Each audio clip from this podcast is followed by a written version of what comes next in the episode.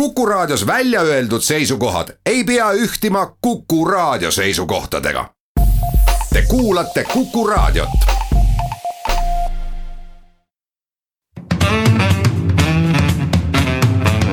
muuli ja Riikoja tere päevast, head kuulajad, kell on üksteist läbi ja et on reedene päev, siis on ka saate Muuli ja Riikoja aeg ehk stuudios on Kalle Muuli ja Hindrek Riikoja. tere päevast täpsuse huvides ütleme, et salvestame seda saadet tund aega varem ette, ehk meie jaoks kell on kümme läbi, aga vast ei juhtu selle tunnikese jooksul midagi pöördelist. alustame tänast saadet kütuseaktsiisi teemadega uuest aastast on kehtima hakkamas uued nõuded, mis taaskord kütuse hinda, eriti diislikütuse hinda tõstavad ja Eesti transpordisektori konkurentsivõime Läti ja Leedu omadega veelgi kehvemaks muudavad. valitsus on alustanud riigireformi arutelusid ja, ja ühe esimese asjana siis arutati eile kabinetis äh, kuue suure ühendameti loomist kümnetest või õigemini kahekümnest väiksemast, räägime sellest siis saates. valitsuses on EKRE käes maaeluministeerium ja maaeluministeeriumi haldusalas on ka maaelu edendamise sihtasutus, äh, kellel on siis tehtud ülesandeks välja töötada meetmeid, kuidas väljaspool Eestist väljas töötavaid inimesi soodsate laenude ja toetustega maale elama meelitada. täna hommikul tuli just uudis, et Põhja-Eesti ühistranspordikeskus kavatseb üles ütelda lepingud bussifirmaga Atko eh, vedude osas, mis toimuvad siis Harjumaal ja. Eh, põhjuseks on, on noh, noh, ütleme siis olulised rikkumised avariidest kuni, kuni ületöötanud bussijuhtideni välja.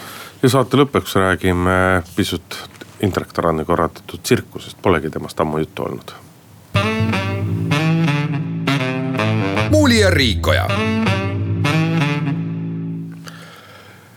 kindlasti paljudel on meeles veel napilt paari kuu eest juhtunu, kui kütus läks kallimaks selle arvelt, et sinna tuli hakata sisse segama biolisandeid. kütus läks kallimaks, väidetavalt ka nii-öelda ühe liitriga läbitava maa hulk vähenes selle käigus, aga noh, märksõna on ikkagi see, et kütuse hinnatõus kütuse hind tõusis äh, uuest aastast, esimesest jaanuarist on kehtimas hakkamas aga nõue, mille kohaselt tuleb CO2 heitkogust vähendada kuus protsenti. tähendab see taas kütusele lisaainete segamist ja ennustatakse, et äh, kõige enam tabab see diislikütust, mille hind võib siis kasvada täiendavalt kuus-seitse, võib-olla ka kaheksa senti ja kütuse hinnavahe näiteks Lätiga nii-öelda tõuseb selgelt üle kahe.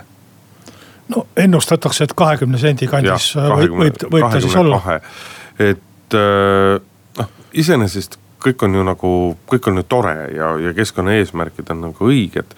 küsimus on ikkagi selles, küsimus on selles ajas ja selles, et äh, ühegi regulatsiooni puhul me ei tohi unustada ära, mis ümber meie nagu toimub, et äh, Soome hindadest Eesti kütusehinnad ei jää väga palju enam maha. Läti hindadest on nad selgelt äh, maas, Leedu omadest samamoodi ja, ja viimasel ajal Eesti transpordifirmad nagu väga palju kurtnud ei ole, aga noh aga reaalsus on tänasel hetkel ikkagi selline, et kui me võtame Eesti, kui me võtame Eesti äh, transpordisektori hinnad. uurisin ise paari nädala eest nii-öelda suure laiagabariidilise eseme, ütleme siis niimoodi, transporti Lätist Eestisse. siis kui Läti ettevõte teeb selle töö ära viie-kuuesaja euroga, siis Eesti ettevõte teeb selle töö ära kuuesaja kuni kaheksasaja euroga ja vabandust, kaheksasaja kuni üheksasaja euroga ehk eh, hinnavahe on pool korda. sinna juurde tuleb eh, suuregabariidilise veose puhul, sa pead palkama saateautod, sa pead võtma load, kui Lätis maksab luba eh, sellist vedu teostada kuuskümmend eurot, siis Eestis maksab ta sada eurot, samamoodi saateteenus on kallim. ehk see, see paneb Eesti transpordifirmad olukorda, kus neil on väga raske rahvusvahelisel tasemel nagu hakkama saada ja, ja ma ei saa aru, miks riik peab seda nagu tegema ma. see on tegelikult ju sinu endise leivaisa pärusmaa, sest et keskkonnaministeeriumist vastav eelnõu kaks tuhat seitseteist, kui ma ei eksi, tuli, aga sama aasta teises pooles ju ka vastu võeti. väga, kui väga täpne ütelda olla, siis ütleks ja kui sa nimetasid seda leivaisaks, ehkki mulle maksis seal ma, palka maksumaksja. Mitte Siim Kiisler isiklikult, siis äh, tegelikult see seadus jõustus enne, kui enne kui äh, meie sinnamajja jõudsime, äh, kaks tuhat seitseteist küll, aga, aga, aga esimesel poolel.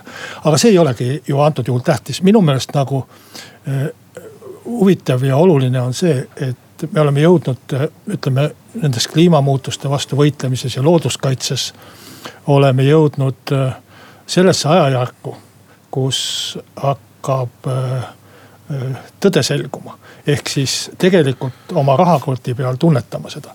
et jube tore on olla äh, keskkonnasõbralik inimene ja, ja ütelda, et mulle loodus meeldib ja kliimamuutusi tuleb vältida ja, ja soojenemist äh, tagasi hoida ja. ja, ja metsa ei tohi raiuda ja kõik need ilusad asjad, kellele ei meeldiks.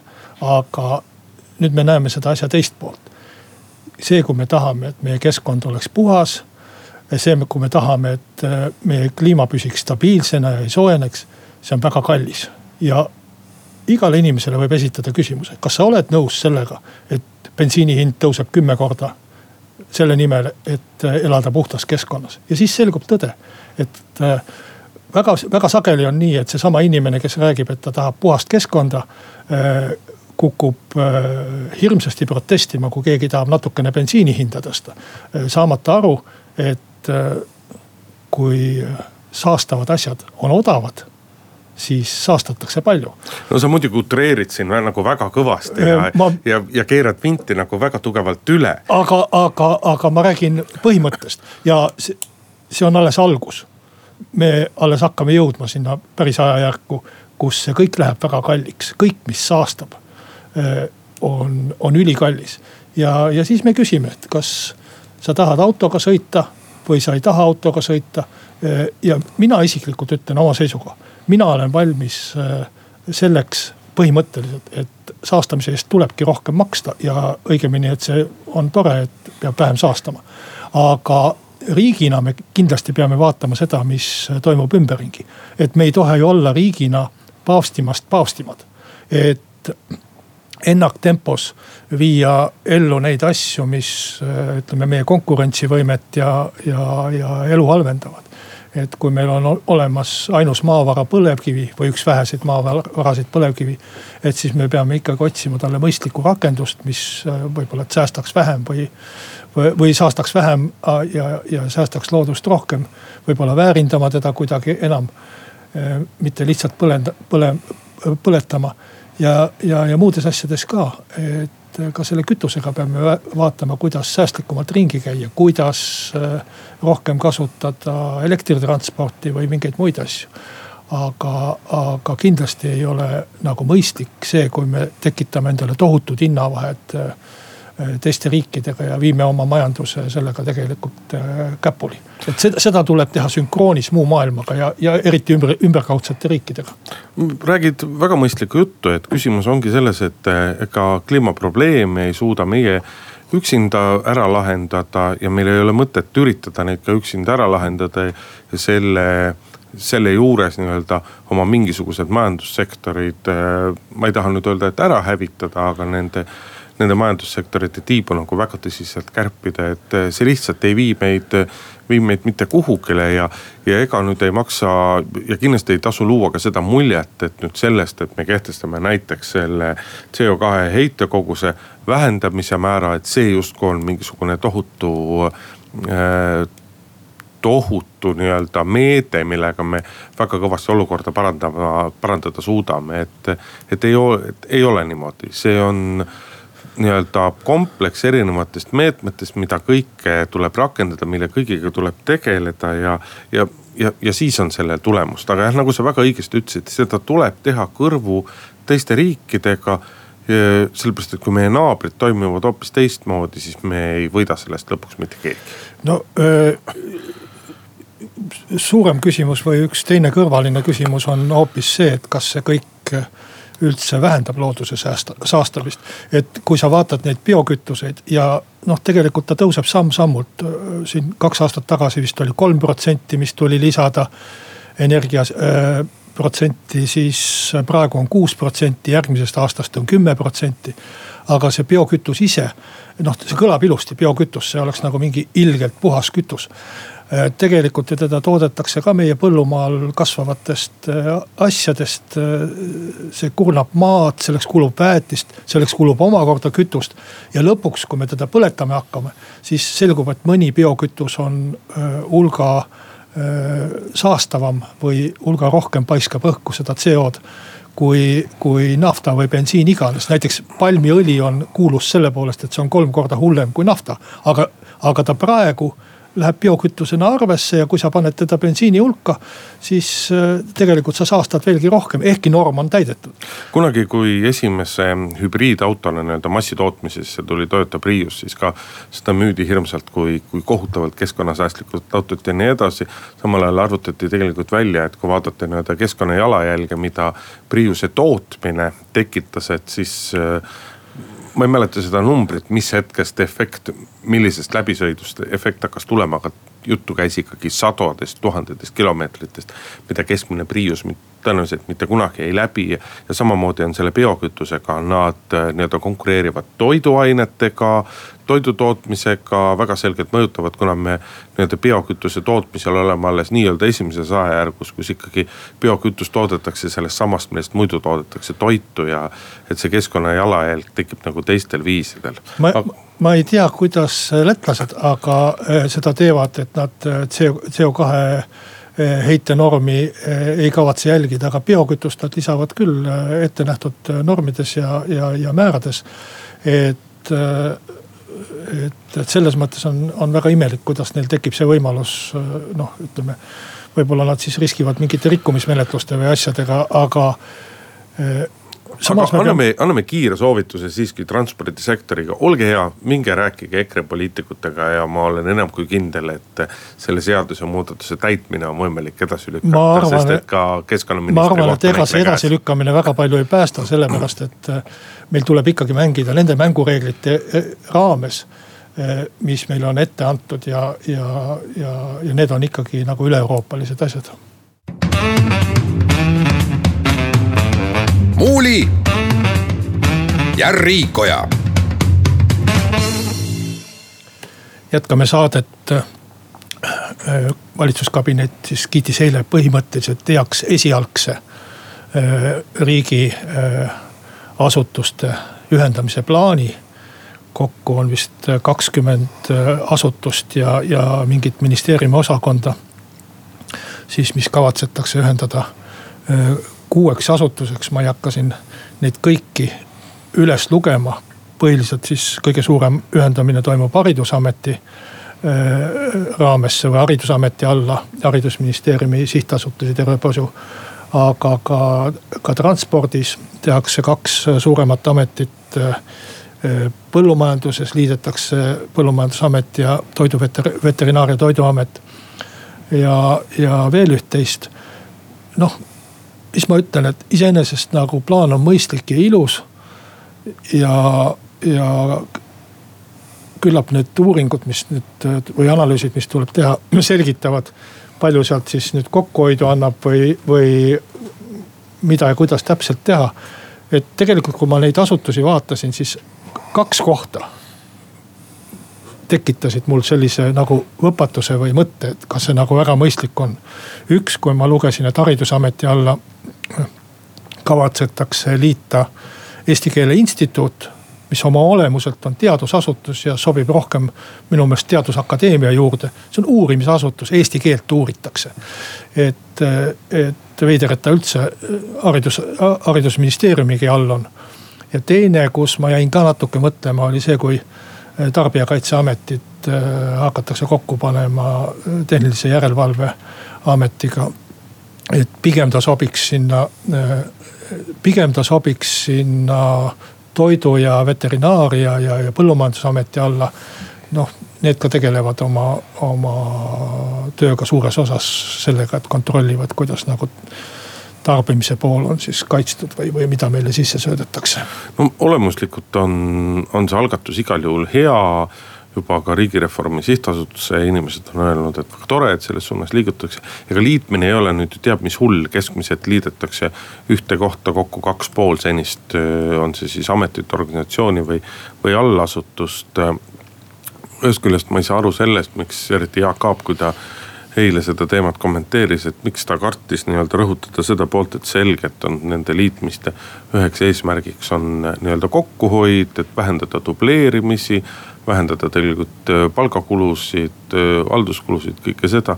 selles suunas kindlasti selgelt peab liikuma laulda tahaksin siiski oma vana laulu, mida ma siin saatetes olen ka korduvalt öelnud, et lisaks sellele nii-öelda tegevuste ülevaatamisele ja arutamisele, et äh, kus kohas dubleeritakse, kes mida teha võiks, võiks ikkagi siiski kindlasti peaks uurima ka seda, et kas riik peab kõige sellega tegelema, millega ta täna tegeleb, kas kõike seda, kõiki neid regulatsioone, kõiki neid tegevusi on vaja, sest et see on, see on nüüd sisuline nii-öelda riigireform, et me vaatame üle nii riigi tegevused kui ka riigi ülesanded no.. aga vot sellest poolest muidugi räägitakse vähe, kuigi natuke on seda poolt ka no, kuulda. kui sa natukene loogiliselt mõtled, et miks seda üldse tehakse, siis selge see, et poliitiliselt ei taheta enne liitmiste alustamist rõhutada seda, et me hakkame hirmsasti nüüd töökohti kokku tõmbama. muidugi ma saan, kuigi, kuigi see on ka kahe otsa asi, sest keskmine vali, aru ei saa sellest nende ametite töötajaid, aga tunduvalt rohkem on keskmist valijat.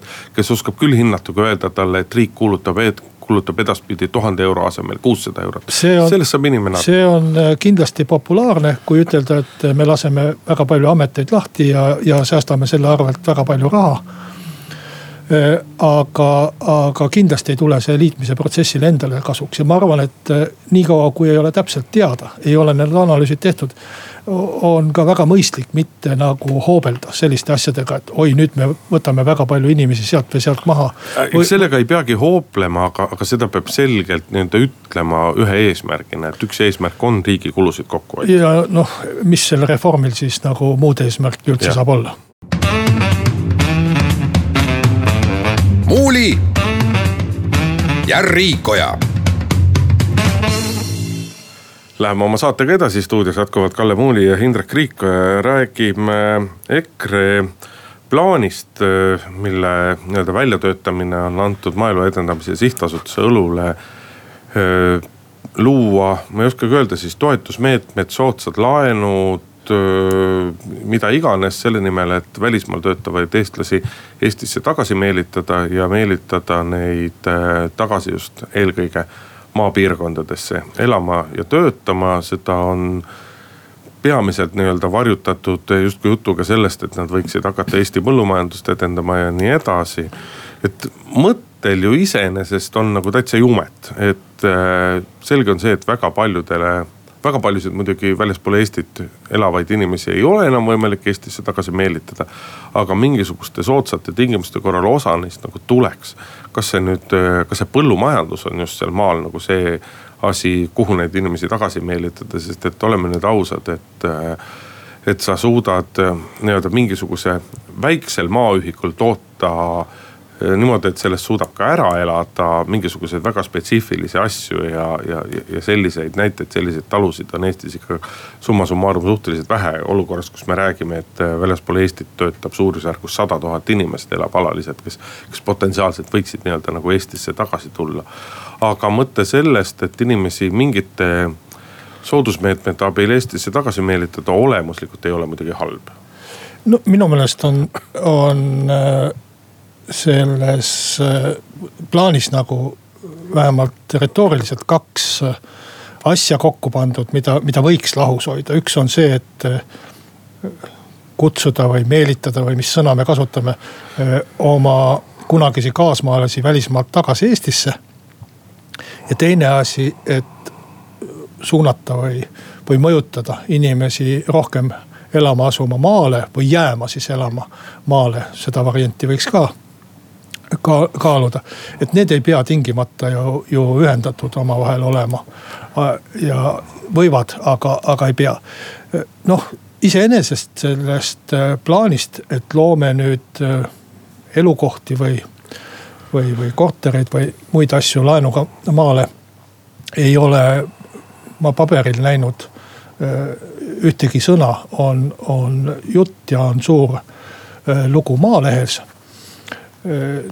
Ja, ja kõige konkreetsem asi, mis ma sealt leidsin, oli siis, et kavatsetakse võtta eeskuju Eesti-aegsest asunduskapitali süsteemist. Ma ausalt öeldes ei ole väga põhjalikult kursis selle Eesti-aegse majandamisega ja asunduskapitali põhimõttega, aga, aga see käis kuidagi umbes nii, et oli maapank, mis siis ehitas mingisuguseid taluhooneid või, või lautu või asju. ja, ja mille siis see asunik või, või talumees siis pika aja jooksul välja ostis ja reeglina jäigi välja ostmata, kuna nõukogude võim tuli peale, aga ühesõnaga põhimõtteliselt inimesed, kellel ei olnud raha, said siis ikkagi äh, pangast noh, meie mõistes laenu või, või mingit raha, mida nad siis pidid ajapikku tagasi maksma. Noh, eks praeguses ühiskonnas ole sellega väga keeruline selles mõttes, et äh, kuidas üldse vaata, vaadata selle peale, et, äh, et äh, noor inimene läheb ja hakkab maale midagi ehitama. kas see on majanduslikult väga mõistlik tegu, ma saan aru, et see kõlab väga noh ebapopulaarselt või, või kuidagi maaelu halvustavalt, aga kui sa rahaliselt vaatad seda asja, siis on ju nii, et teatud piirkondades ehitamine on kallim, kui sa pärast võib-olla sellest äh, pärast see asi ise maksab, ehk siis äh,. no hin, hinnavahed on ikkagi kordades, et ilmselgelt ei ole, ei ole mõtet mitte hakata maale ehitama uusi asju, vaid pigem nii-öelda toetama siis olemasolevate asjade korda tegemist. et noh, hädapärast võiks ütelda nii, et sinna on mõtet ehitada ainult sel juhul, kui sa ei kavatse seda müüa et kui sa kavatsed seda enda tarbeks igavesti ja oma suguvõsa tarbeks igavesti kasutada. et, et siis ehk, aga, aga tal, tal väärtus on ju küll selline, et, et väga kahtlane, kas, kas me peaksime noortele inimestele ütlema, et matke oma raha sinna või pange oma raha sinna. et seal tema väärtus kindlasti langeb. aga eks ta langeb ka nii kaua, kui, kui inimesi sinna juurde ei lähe, kohe kui ikkagi õnnestub see, õnnestuks see plaan käima panna ja maale tekiks rohkem inimesi. oleks kindlasti ka need hinnad ja kinnisvara hinnad teistsugused, aga, aga minu meelest põhiküsimus on ikkagi tänapäeval selles, miks inimesed maalt linna tulevad. mitte selles, et neil ei oleks kuskil elada või et neil ei oleks võimalik äh, kuskilt laenu saada või muid selliseid asju. põhiküsimus on ikkagi see, et et äh, meie tootmisviis on selline, et kui inimesed on hulgakesi koos linnas siis nende lisandväärtus on suurem ja nende palgad on suuremad. kõrgepalgalised töökohad on siin ja selle, selle juurde need inimesed tulevad. no tuleb silmas pidada seda, et äh, selle nii-öelda programmi üks külg saab olla see, et äh, me toetame sinna maale kolimist, kas siis seal kinnisvara uue kinnisvara rajamist või olemasoleva kinnisvara renoveerimist, aga teine ja lahutamatu osa peab olema erinevatel kujude, kujul ettevõtlustoetused, sellepärast et ma ei ole päris kindel. no ettevõtlustoetust antakse praegu ka. kui ma EKRE väljaütlemisi kuulan, siis ma ei ole päris kindel, et kas EKRE on nagu aru saanud sellest, et maaelu ei võrdu põllumajandus. et äh, põllumajanduses hõivatute osakaal on meil äh, isegi alla kahe protsendi Eestis kõigi hõivatute osakaalust ja, ja ka maapiirkondades on ta ikkagi on ta ikkagi suhteliselt, suhteliselt madal, tuntavalt alla poole. Sõltuvalt piirkondadest ka võib-olla kümmekond protsenti paremal juhul, et, et, et inimene tuleb maale siis, kui tal on kus elada, aga veel tähtsam, nagu sa ütlesid just, et tal on nagu midagi teha. ja nii-öelda olemasolevaid töökohti heapalgalisi töökohti, mille pärast inimene hakkab näiteks Soomest, Rootsist või Norrast tagasi tulema. on maapiirkondades ikkagi suhteliselt nagu napilt jah, et, et maa, maal ei ole ju tööpuudust, maal on ka tööjõupuudust, et aga need töökohad, mida pakutakse, kus on tööjõupuudus need on lihtsalt sellise palgaga, et, et. no mis on põllumajandussektoris on muidugi päris hea palgaga, et, et, et, et põllumehed otsivad töötajaid ja maksavad oskajatele meestele ja naistele väga hästi, aga, aga noh, nagu ma ütlen, et ka põllumajanduse töökohtade osakaal on nii väike kõigi töökohtade seas. õpetajate palgad äh, on maapiirkonna kohta ka päris kobedad.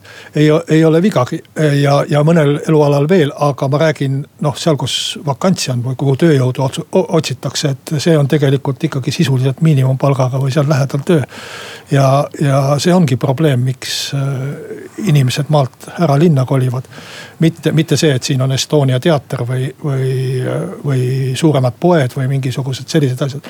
et ma arvan, et, et kui sellist loomulikku maale tagasipöördumist oodata, siis see juhtub küll ainult siis, kui kui meil tehnoloogia arenguga või millegi muuga seoses tekib olukord, kus ka maal on võimalik teha Äh, sama kõrgepalgalist tööd, mis linnas, noh näiteks kaugtööd või mingit asja. või siis tekivad äh, sellised töökohad või selline tootmine, mis, äh, mis on võimalik ka hajaasustusega piirkonnas, nii et seal oleks kõik kõrged palgad. et see on ikkagi põhiline näitaja. aga samas ma ei arva, et, et, et ei peaks mõtlema ja ei peaks tegema plaane kuidas toetada inimeste maale elama asumist, ma arvan, et see see algatus iseenesest on, on väga positiivne ja väga õiges suunas mõtlemine. küsimus on selles lahenduses, et kas see äh, lahendus, et, et toetame mingit kinnisvaraarendust seal on just kõige õigem, et selle üle peaks arutama ja vaatama ja analüüsima, et. et mis see annab ja, ja, ja kas see, selle vastu üldse huvi ja kas see mõttekas on. Martin Helme EKRE rahandusminister ja aseesimees kritiseeris sellel nädalal väga tugevalt seda, et Eestis tehakse kümneid, et mitte öelda sadu arengukavasid ja tegevusplaane, mida pärast nende valmimist mitte keegi ei loe. loodame lihtsalt, et sellest plaanist ei saa Õige. üks selline arengukava. iga asja kohta on arengukava, mis on peaaegu et ära unustatud ja, ja mille, mille täitmiseks ei ole tegelikult ka riigieelarves raha ette nähtud. sellepärast, et arengukavad on üks asi ja, ja päriselu on teine asi Muuli ja Riikoja. jätkame saadet stuudios Indrek Riikoja ja Kalle Muuli. no järgmise teema sissejuhatuseks võiks ütelda selle sellise kuulsa lause, et no tuli ära, tuli lõpuks ära. et äh, justkui õhus oli ootus, et midagi ikkagi Atkoga hetkel ette võetakse, et. veel ei ole midagi ära tulnud. E, no vähemalt, äh, vähemalt on lubatud, aga uudis siis see, et äh, Põhja-Eesti Ühistranspordikeskus äh, lubas lõpetada Atkoga lepingud äh, Harjumaal bussiveoks ja, ja eelkõige siis alustatakse vist Harku vallast, kui ma õigesti aru sain. aga, ja, ja, ja põhjuseks on siis see, et on palju rikkumisi, palju lepingu rikkumisi ja vist on äh, ette nähtud nii, et kui on kaks suurt rikkumist, eks see tõlgendus ole, mis see suur on. siis saab lepingu üles ütelda ja tundub, et äh, see bussifirma vähemalt äh, siin Harjumaa piirkonnas on küll äh, allakäiguteel või allakäigutrepil, et neid uudiseid on päris palju tulnud, kus. kus küll ei ole bussid korras, küll on bussijuhid rikkunud mingeid eeskirju ja küll nad on ise üle töötanud, et noh, ma arvan, et põhimõtteliselt äh, midagi peab äh, see ühistranspordikeskus ette võtma. ja mis tal muud ikka ette võtta on, kui kontrollida, trahvida ja lõpuks leping üles ütelda. aga ega see ei käi kergesti ja ma arvan, et äh, juhul kui Atko tahab, võib ta ikka veel väga kaua nende logude busside ja väsinud bussijuhtidega siin ringi sõita, sest see lepingu ülesütlemine no läbi kolme kohtuastme saab olema väga vaevaline ja pikk ei ole mitte midagi uut siin, äh, siin ilma peal, kui neid viimaste päevade või viimaste nädalate kajastusi vaadata, siis äh, tundub nagu justkui oleks midagi nagu uut juhtunud, ma panen selle lihtsalt selle arvele, et kirjutavad neist peamiselt noored ajakirjanikud, kes ei mäleta seda, mis juhtus kümne, viieteist ja kahekümne aasta tagant, aga. minu arust lakkamatud probleemid Atkoga, Atko bussidega on ju kestnud kakskümmend aastat ja mõni aasta nagu pealegi, kui me aastatuhande algusest meenutame erinevaid äh, lugusid, mis bussidest rääkisid, siis see oli ikka niimoodi, et just nimelt Atko oli see, kes äh, kes sõitis, kui mitte kõige kehvemate ja vanemate bussidega, siis äh, kindlasti tema bussid teiste vedajatega paistsid silma oma vanuse ja tehnilise seisukorra poolest. ta on alati olnud palgamaksjana kindlasti mitte tipus, vaid pigem nii-öelda bussifirmade seas alumises otsas, neid jamasid kõike on kogu aeg olnud konkursse, kus on otsitud, kus on tehtud alapakkumisi, kus on kohtus käidud, vaieldud, ikka on tihtipeale Atko seal seotud olnud. ehk äh, kõige üllatavam selle asja juures on see, et kahekümne aastaga ei ole mitte midagi muutunud, et äh, jätkuvalt on üks, äh, on üks ettevõte, mille, mille omanike seas on, ei maksa ju unustada, et Keskerakonna tipp-poliitikud abielubal Arvo Sarapuu ja koos oma abikaasaga ja need jamad on kogu aeg käinud, need jamad on kogu aeg olnud, et äh, et millal see kõik lõpeb, tahaks öelda, aga kui mõelda sellele, mis on kahekümne aasta jooksul toimunud, siis ma kardan, et ei lõpe veel mitte niipea. et see Põhja-Eesti, Põhja-Eesti Ühistranspordikeskuse algatus on küll mõistlik, aga, aga nad ise ütlevad ka, et kõik see võtab aega, sellepärast et äh, tegemist on väga visa, visavastasega. ehk äh, ava, ülesütlemise avaldustes ja kõiges selles ei tohi olla ka komakohta, sest et muidu sellest paisub kohe uus kohtulahing, mida, mille tulemusi oodatakse aastaid, aastaid ja aastaid. no eks äh, ühest küljest on ka noh, selline närutamine ja, ja kehv kvaliteet mõistetav sellega, et äh, hankekonkursi põhitingimuseks või üheks, üheks olulisemaks tingimuseks on ikkagi hind. ja eks me kõik tahame saada asju odavalt võimalikult odavalt ja sageli veel oma hinna piiri peal. jah, aga minu arust juba aastaid aga, on meie riigihangete ma, süsteem olnud selline, et, et see hind ei ole siiski see ainus kriteerium. see ei ole ainus kriteerium, aga ma ei taha sugugi sellega õigustada. küll aga tahtsin ma ütelda sellele kahekümne aasta pikkusele ajaloole. ma päris kindel ei ole, et see järjepidevalt on nii olnud, nagu sa kirjeldasid, aga kakskümmend aastat tagasi oli see võib-olla loomulikum ja mõistetavam et kõikidel bussifirmadel olidki äh, vanad romud bussid ja et meil ei olnudki jõudu, äh, majanduslikku jõudu ei bussifirmadel ega, ega nendel inimestel, kes bussidega sõitsid. Äh, maksta selle eest sellist hinda, et me saaksime uhi uute turvaliste ja, ja väga heade bussidega sõita, aga olla kakskümmend aastat hiljem praegu samasuguses olukorras, nagu me olime ühiskonnana kakskümmend aastat tagasi, see tundub tõesti veider ja kummaline, et kui meie kõik muud asjad on arenenud noh, tiigrihüppesammuga või mis iganes. siis Atko buss on jäänud ikka põhimõtteliselt samasuguseks, nagu ta oli aastal üheksakümmend üheksa. tead, ma ise elan, elan Tallinnast paarkümmend kilomeetrit eemale Tartu suunas ja ma mäletan, kui aastate eest, kui juhtus see, et et eh, Atko bussid eh, lõpetasid eh, Tartu suunal sõitmise ja tulid asemele, no vot nüüd firma nime. firma nime ei ütle, ei tule kohe plaks meelde, aga tulid Hansabussi bussid, et, et see oli nagu öö ja päev. see oli nagu öö ja päev. tulid uued korralikud bussid, need ei kolisenud, need ei olnud ära soditud, need olid puhtad, juhid olid viisakad. see oli tõesti nagu noh, oleks astunud, ma ei tea kust kuhu, eks ole ja, ja, ja kui ma olen siin hiljem mõned korrad sattunud äh, Atko bussidesse, siis noh äh, seis ei ole enam nii hull kui kümme aastat tagasi. aga ta on ikkagi nagu öö ja päev ja, ja see on, see on hämmastav, et, et kuidas see, kuidas see kestab. Äh, minu mõistus seda nagu ei võta, et miks ei ole ühest küljest kas suudetud nii-öelda korrale kutsuda või teisest küljest äh, siis lihtsalt nii-öelda turult välja tõrjuda seda. muuli ja Riikoja sellel nädalal tuli uudis, et Põhja ringkonnaprokuratuur ei näe endase ja eurosaadiku Indrek Tarandi tegevuses sihtasutuse perekonna ja traditsiooni kaitsvaks arvelt talle üle kantud raha endale jätmises kuritegu. mäletatavasti siis äh, Indrek Tarand läks vahele segama ühele EKRE miitingule, kus ta tõmmati jõuga äh, lava pealt maha ja siis sai ta, ütleme niimoodi, sai ka pisut klohmida selle eest eh, nii-öelda kokkuleppemenetluses jäi süüdi kaks härrasmeest, kes pidid eh, hüvitist maksa Indrek Tarandile. ja ootamatult selgus siis, et eh, Varro Vooglaiu veetav sihtasutus perekonna ja traditsiooni kaitseks kandis järsku selle raha lihtsalt üle. Indrek Tarandi vastus oli, et aitäh raha eest, aga mina ootan ikkagi ikkagi hüvitist nendelt inimestelt, kellele see välja mõisteti. et tahaks kõige selle peale öelda, et noh, et kallis Indrek, tsirkust on nüüd tehtud küll, aitab küll, et et Varro Vooglaiule koht on nii-öelda kokku kätte näidatud, et tõepoolest ega Varro Vooglaid ei pea, nii nagu Indrek Tarand ei pidanud oma nina toppima. EKRE meeleavaldusel ei oleks pidanud Varro Vooglaid oma nina toppima ka ka sinna raha tagasimaksmisele, aga nüüd on küll, et tsirkust on tehtud, et Indrek Tarand võiks selle raha tagasi kanda, sest et noh, muidu jääb ta isegi ikkagi lolliks.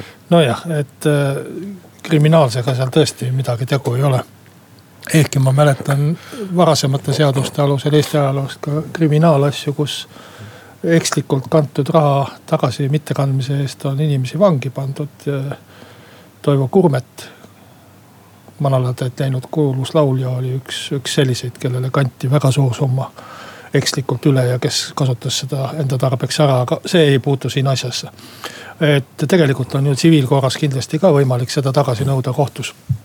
aga no miks peaks seda tõesti tegema ja ma arvan, et ega Indrek Tarandi eesmärk ei olegi seda raha endale jätta, et, et tema advokaat on teatanud, et Indrek Tarand on teatud küsimustele vastamise korral mis selle annetusega on seotud.